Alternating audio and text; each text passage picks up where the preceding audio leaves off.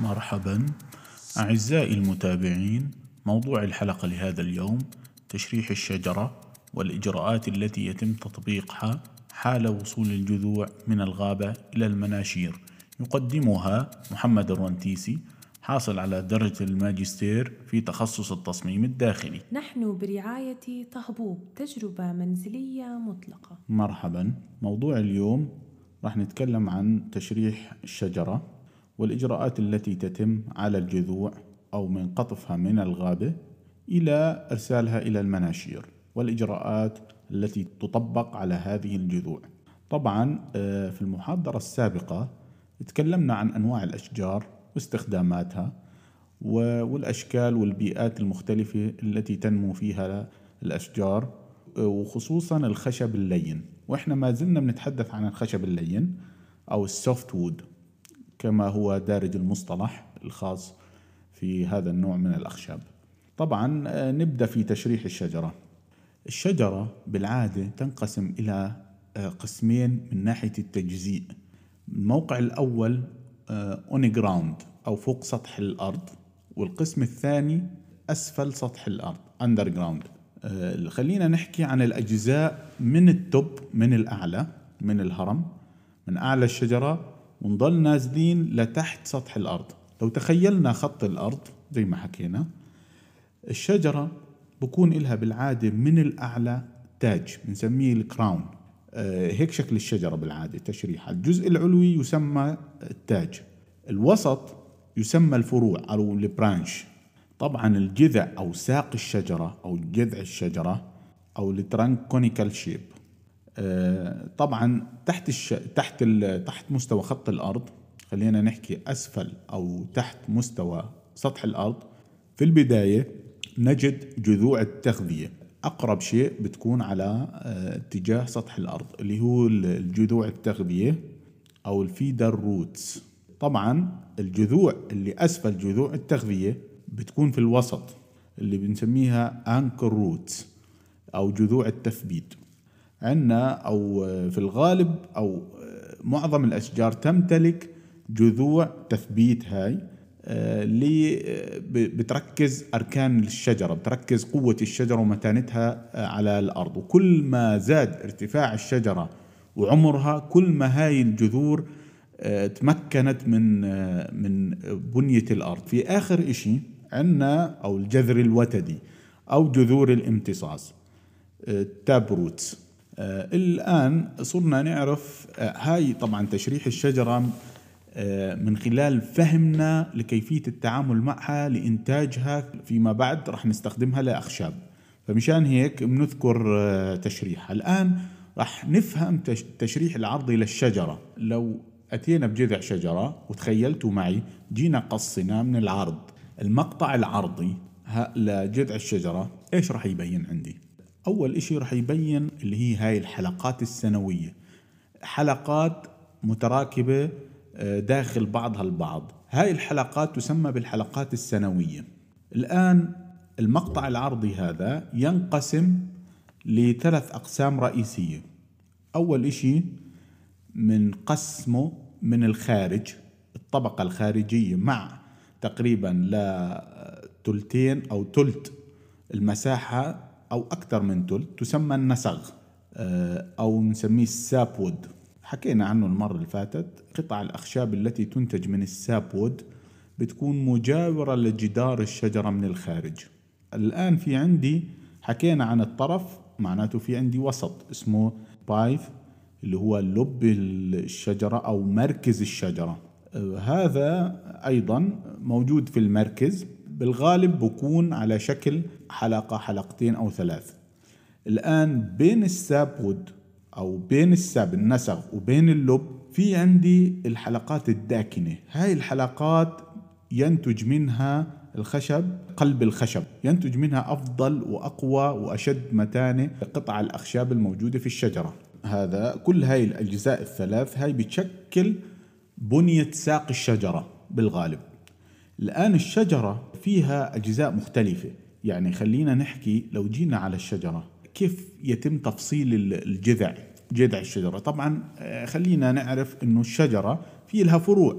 هاي الفروع تزال لما نقص الشجرة وتجهز تكون على شكل خشب أو نضجت عشان نبدأ بعمليات المعالجة حتى تصبح ألواح خشبية وتقطع للتصدير والاستخدام.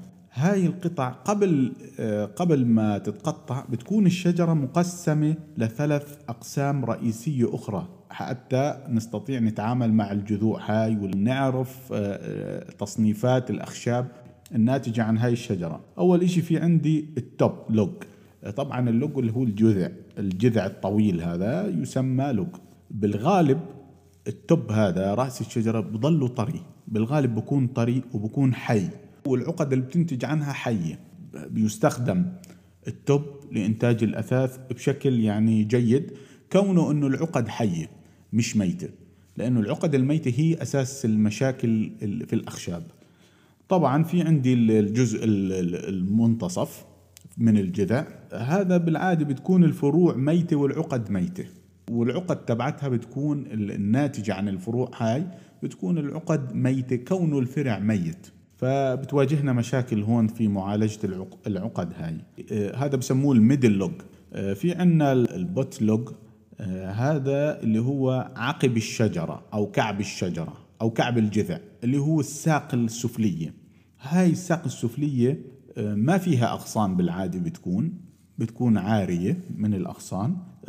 مقاطع الأخشاب بتكون نظيفة بكون جودتها عالية. الأخشاب الناتجة عن كعب أو عقب الشجرة أو ساق الشجرة السفلي مقاطع عريضة وأحجامها كبيرة. راح نذكر آه، بعض العمليات اللي بتتم تصنيف آه، الجذوع مجرد بمجرد قطعها. يعني إحنا بمجرد ما نقطع الشجرة أو الجذع بيتم تجري عليه عدة عمليات تصنيف. بيجي بحطوا عليه إشارات وعلامات. مثلا موقع وشكل الغصن أو الجذع بيتم قصه لعدة قطع. الجذع نفسه بحسب الأطوال المعتمدة أو المستخدمة في الإنتاج. وكل قطعة تعلم أو توسم بشكل معين بحسب موقع الجذع آه، شكله آه، طبعا بكون أي قطعة رقم ثلاثة رقم أربعة يرمز له بهاي التص... الإشارات حتى يدخل في عمليات التصنيف بعد ما حكينا يزيلوا الفروع والأغصان ويقطع لعدة قطع. من تقريبا من ثلاث لأربع قطع لكل شجرة. وبعدين تفرز بحسب الحجم والطول ويتم نقلها آه، إلى مناشير القص.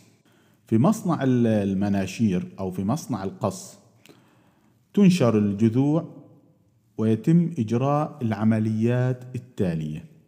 أول إشي تصنف الأشجار بحسب آه، بعض الملاحظات اللي حكينا عنها.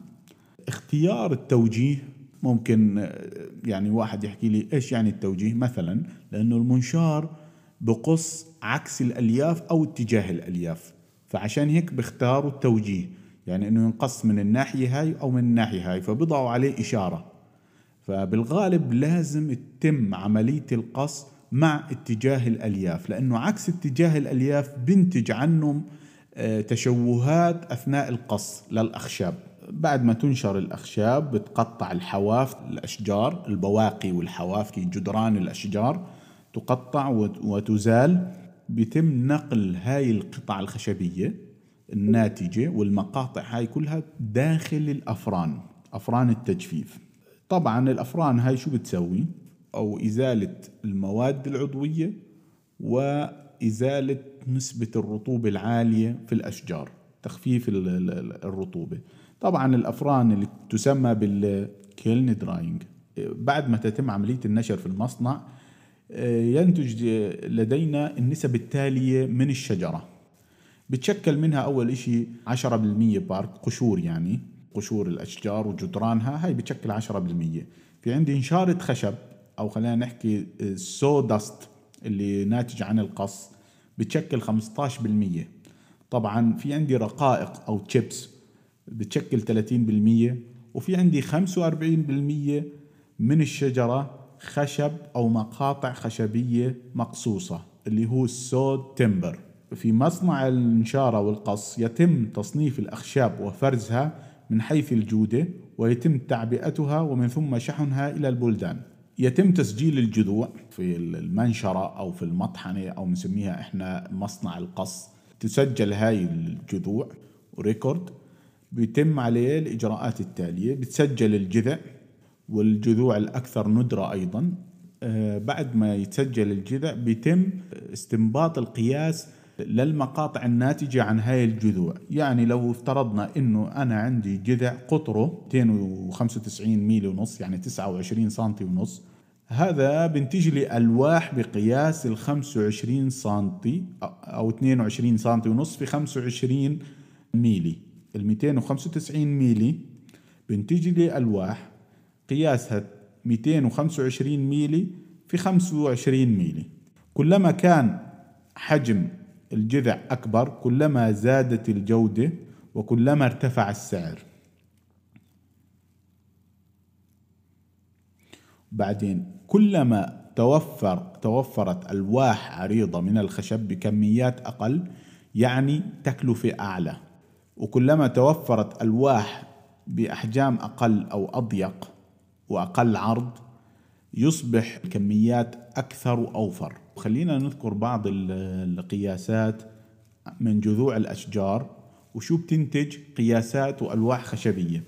يعني عندي راح نذكر الأرقام كلها بالمليمتر وأقرب لكم ممكن أقرب لكم بالسانتي بس بالغالب إحنا بالعادة بنتعامل بالمليمتر. يعني في حال كان الجذع من 150 ل 169 مليمتر آه، بنتج ألواح 50 في 100 عدد 2 وإذا كان الجذع قطره 170 ل 189 ملم بنتج ألواح 50 في 125 ملم عدد 2 وإذا عندي جذع قطره 190 ل 209 ملم آه، بنتج ألواح خشبية. قياساتها من 50 50 ملم في 150 ملم عدد 2 وإذا كان عندي الجذع قطره 210 ل 229 ملم بنتج لي ألواح خشبية قياساتها 63 ملي في 150 ملم عدد 2 ولو كان عندي 230 ل 249 قطر الجذع جذع الشجرة بنتج لي 75 ملي في 150 ملي عدد 2 وبنتج لي 63 ملي في 175 عدد 2 يعني هاي خيار وهي خيار. والخيار الثالث ممكن ينتج لي كمان 38 ملي في 150 عدد 4 فأنا ممكن أقسمه لعدة أقسام أو ممكن أستخدمه بحسب آه، الطلب عندي. آه، لو كان عندي آه، جذع شجرة 250 قطره ل 269 بنتج لي 75 في 175 عدد 2 أو ممكن ينتج لي 63 ملي في 200 عدد 2 وممكن ينتج لي 32 في 200 عدد 4 القياسات الأخرى للجذوع الشجر 279 ل 289 هذا بنتج 75 ملي في 200 ملي عدد 2 أو 38 ملي في 200 ملي عدد أربعة. هيك مقطع الخشب. في عندي مقاسات أخرى لجذوع الأشجار بس هاي متعارف عليها. في عندي قياس كبير اللي هو 290 ملي يعني بنحكي عن 29 سنتي ل 319 يعني بنحكي عن 31 أو 32 سنتي. بكون عرض جذع الشجرة. طبعا هذا بنحكي إحنا لسه عن ال softwood أو ال pine. الأخشاب اللينة. هيك بالغالب هيك بتكون أقطارها.